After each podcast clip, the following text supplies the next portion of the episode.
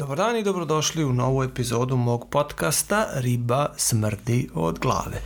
Danas ćemo pričati o LinkedInu i šta ti lično imaš od korištenja LinkedIna.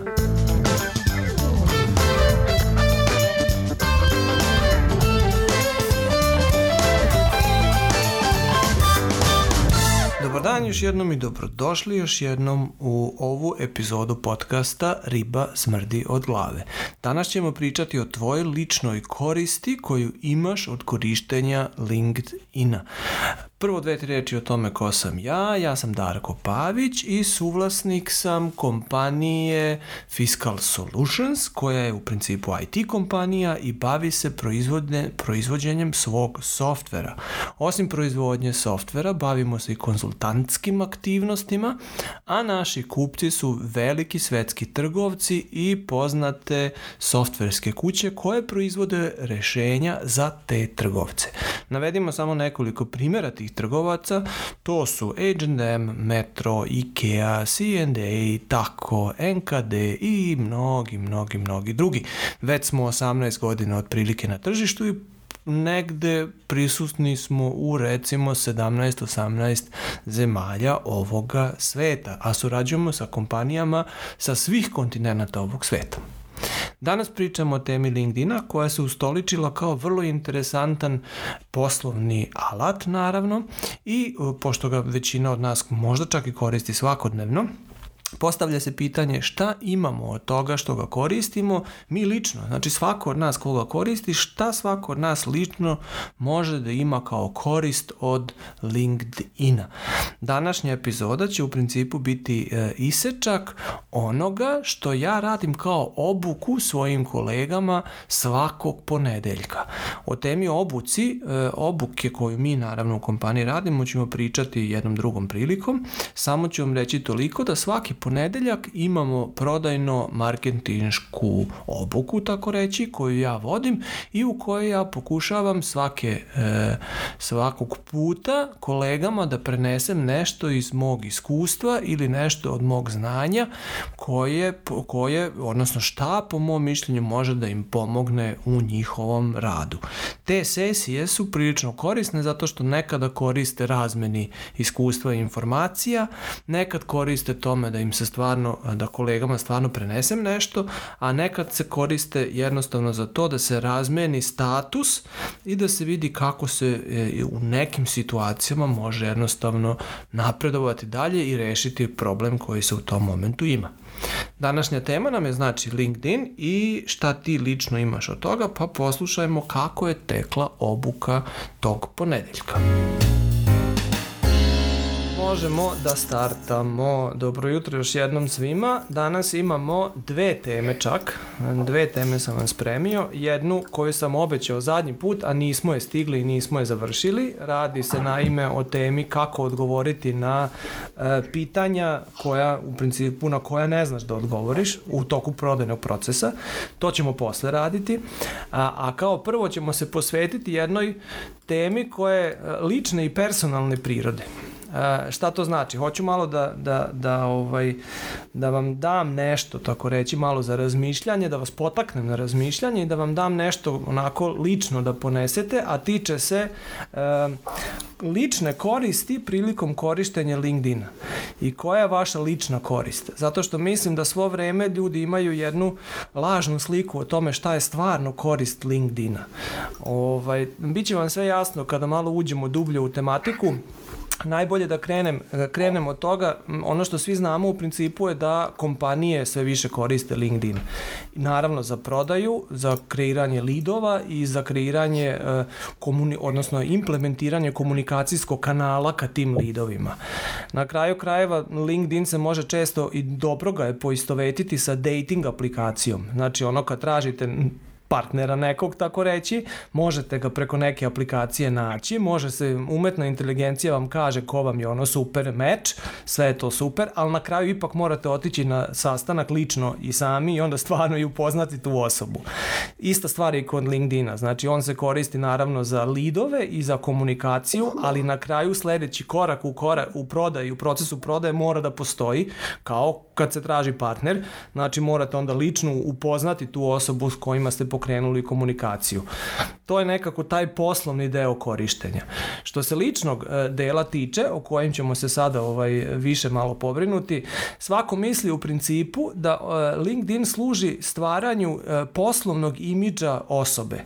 Znači, sad ja kao osoba hoću da se profiliram i da pokažem kako sam dobar, pametan i tako dalje u svojoj mreži i onda postanu im objavljujem nešto, ne bi me neko primetio i rekao vidi ga što je on dobar, vidi ga što je on pametan i na osnovu toga kad mi zatreba nova, nova pozicija na nekom radnom mestu ili pre, onda se neko javi i kaže e, pošto ja znam da si ti jako pametan, u zagradi znači imaš dobar imidž, Evo ti odlična ponuda za posao.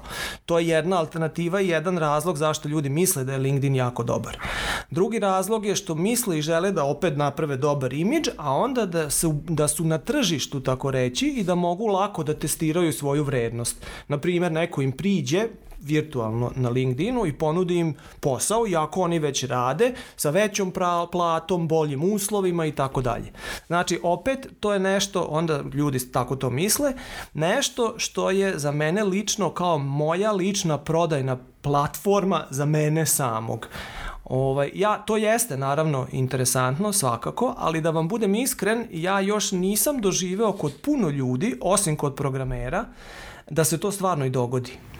Znači sve i da, da i, e, objavljujete ko ludi, da konstantno objavljujete i stalno pravite neke objave i pokušavate da izgradite neki super imidž, verovatnoća da će vas neko vrbovati preko LinkedIna je jako mala. I verovatnoća čak da ćete na osnovu LinkedIna kada negde izgubite posao ili želite da promenite naći novi je jako mala. E, nažalost, ali je tako. Znači, na jednoj strani realnost je ljudi žele i misle da će im to pomoći, a na drugoj strani realnost je takva da je to redko ovaj, stvarno bila i situacija da im je LinkedIn bio taj koji im omogućio, omogućio radno mesto. Možda se to menja, ali generalno gledano je to tako.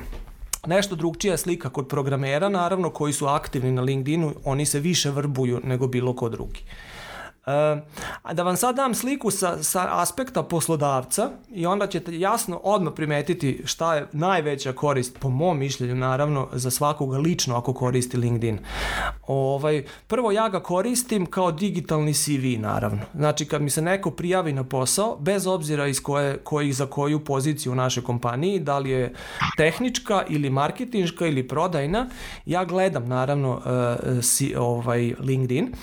Prvo ga pogledam u kontekstu digitalnog CV-a, ono da vidim šta je taj čovek radio, ali to nije isključivo, nije isključivo ono što ja gledam. To je, to je mali deo, čak najmanji deo onoga što stvarno gledam.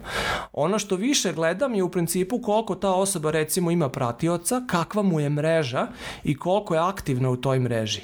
Zato što iz toga ja mogu daleko puno više da zaključim o toj osobi nego is, isključivo iz, iz činjenica kao gde je išla u školu i koliko dugo je bila negde zaposlena. Znači, aktivnost u toj nekoj mreži, činjenica da li mreža postoji, to su mi te dve najvažnije tačke. Zašto su mi one važne uopšte?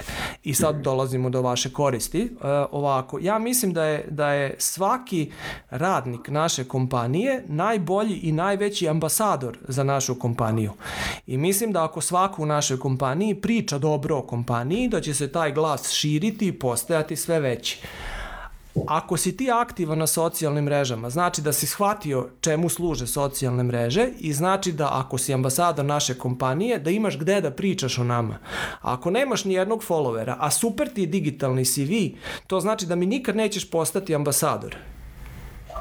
I to je taj, to je taj veliki problem. Znači sve da imaš u današnjici, u današnje vreme, super CV, ti nikad nećeš postati ambasador kompanije i nikad mi nećeš ispuniti taj cilj koji u današnje vreme kompanija mora da ima a mora da ga ima kroz vidljivost, kroz to što su svi, što sve više ljudi pričaju o njoj, posebno ambasadori, posebno naši radnici. Znači, ako čovek na LinkedInu nema pratioca, on postaje za poslodavce manje vredan. vi znate da ja volim da budem direktan, ali stvarno je tako. Ako imam priliku da zaposlim marketing menadžer, na primer, i marketing menadžer A mi traži sumu para X, nema followera na LinkedInu, a na drugoj strani ima marketinga, marketing menadžera koji traži više novaca ili istu, recimo sumu, još bolje da uporedimo, istu sumu, a ima followera na LinkedInu, zaposlit ću ovo koji ima followere. Samo zato što on ima platformu gde može nešto da kaže. E sad, šta ne smemo zaboraviti? E, jako je važno i koju vrstu platforme imate, odnosno kakvi su ti kontakti koje imate. Ako šarate u vašoj karijeri, znači ideš levo pa si malo u marketingu, pa onda odeš malo u prodaju, pa onda iz prodaje odeš malo u tehnički QA neki, pa iz QA odeš u razvoj, pa iz razvoja odeš u management, pa iz managementa odeš ne znam nija gde, a pritome čak i menjaš branše, znači iz medicine odeš u trgovinu, pa iz trgovine malo u IT, pa iz IT-a malo u farmaciju, pa iz farmacije u građevinsku industriju. To i imaš recimo followera hiljade, pet hiljada. To znači da će ti followeri isto tako biti malo iz medicine, malo iz farmacije, malo iz građevine i tako dalje. To znači da ta vrsta followera meni kao kompaniji nije interesantna. Zato što ti ih sve da kažeš nešto i sve da si ambasador moje kompanije, e, ne možeš biti, neće naći plodno tlo to, to kome govoriš, zato što sam ja u IT branši, a ti imaš karijeru koja je išla iz građevine u medicinu, pa u farmaciju, pa ovamo, pa onamo. Znači, jako je važno da imate kontakte u danjašnjici to će u budućnosti biti sve više i više. Znači da imate followere, odnosno kontakte na LinkedInu i da imate jasnu liniju u kontekstu karijere koju radite. A karijera koju radite se sadrži iz tri elementa, sastoji od tri elementa. Jedan element je stručno znanje, da li si prodavač, marketing, programer, QA ili šta već i onda domensko znanje koje se opet može sastojati od više elemenata, kod nas se sastoji od dva, IT i trgovina IT. Znači, e, vaš karijera, odnosno, odnosno e, path, karijera, linija koja se trebate kretati je u tom kontekstu. Ta koju ste izabrali u kontekstu struke, marketing, prodaja, bilo šta drugo, i onda IT i onda specializacija na retail IT. Ako u tom kontekstu tako izgradite kontakte, To isto vredi i za bilo koju drugu branšu i za bilo koji drugi način, način specializacije rada. Ako tu izgradite followere, onda postajete odjednom jako važni za kompanije. Razumete? Znači, nije cilj više, to se promenilo. Nije mi više LinkedIn platforma gde me neko zaposla, zapošljava, nego mi LinkedIn platforma koja mi stvara edit value kao osobi. Lični, lični edit value. Ja vam to govorim iz perspektive poslodavca koji to radi i znam i da drugi istu stvar rade i znam šta će se i više raditi u budućnosti. Tako da ako mogu da vam dam neki savet, e, bilo bi ne, možda tri saveta koja bi vam dao. Prvo, držite se jedne linije u karijeri. Znači, odlučite se za jednu stvar, za specijalizaciju stručnu, prvo stručnu stvar, onda domensku specijalizaciju i držite se te linije da bi izgradili priču oko toga. To je prvi savet. Drugi savet mi je budite aktivni na LinkedInu, zato što će vam lično doneti korist. Doneće vam korist u kontekstu vrednosti koju će prepoznati budući poslo, a i sadašnji bome poslodavac.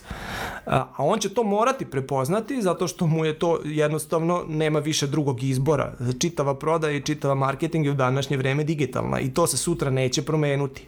Čak i kad pandemija prođe, to će ostati isto tako. Mislim, to treba svima da bude jasno.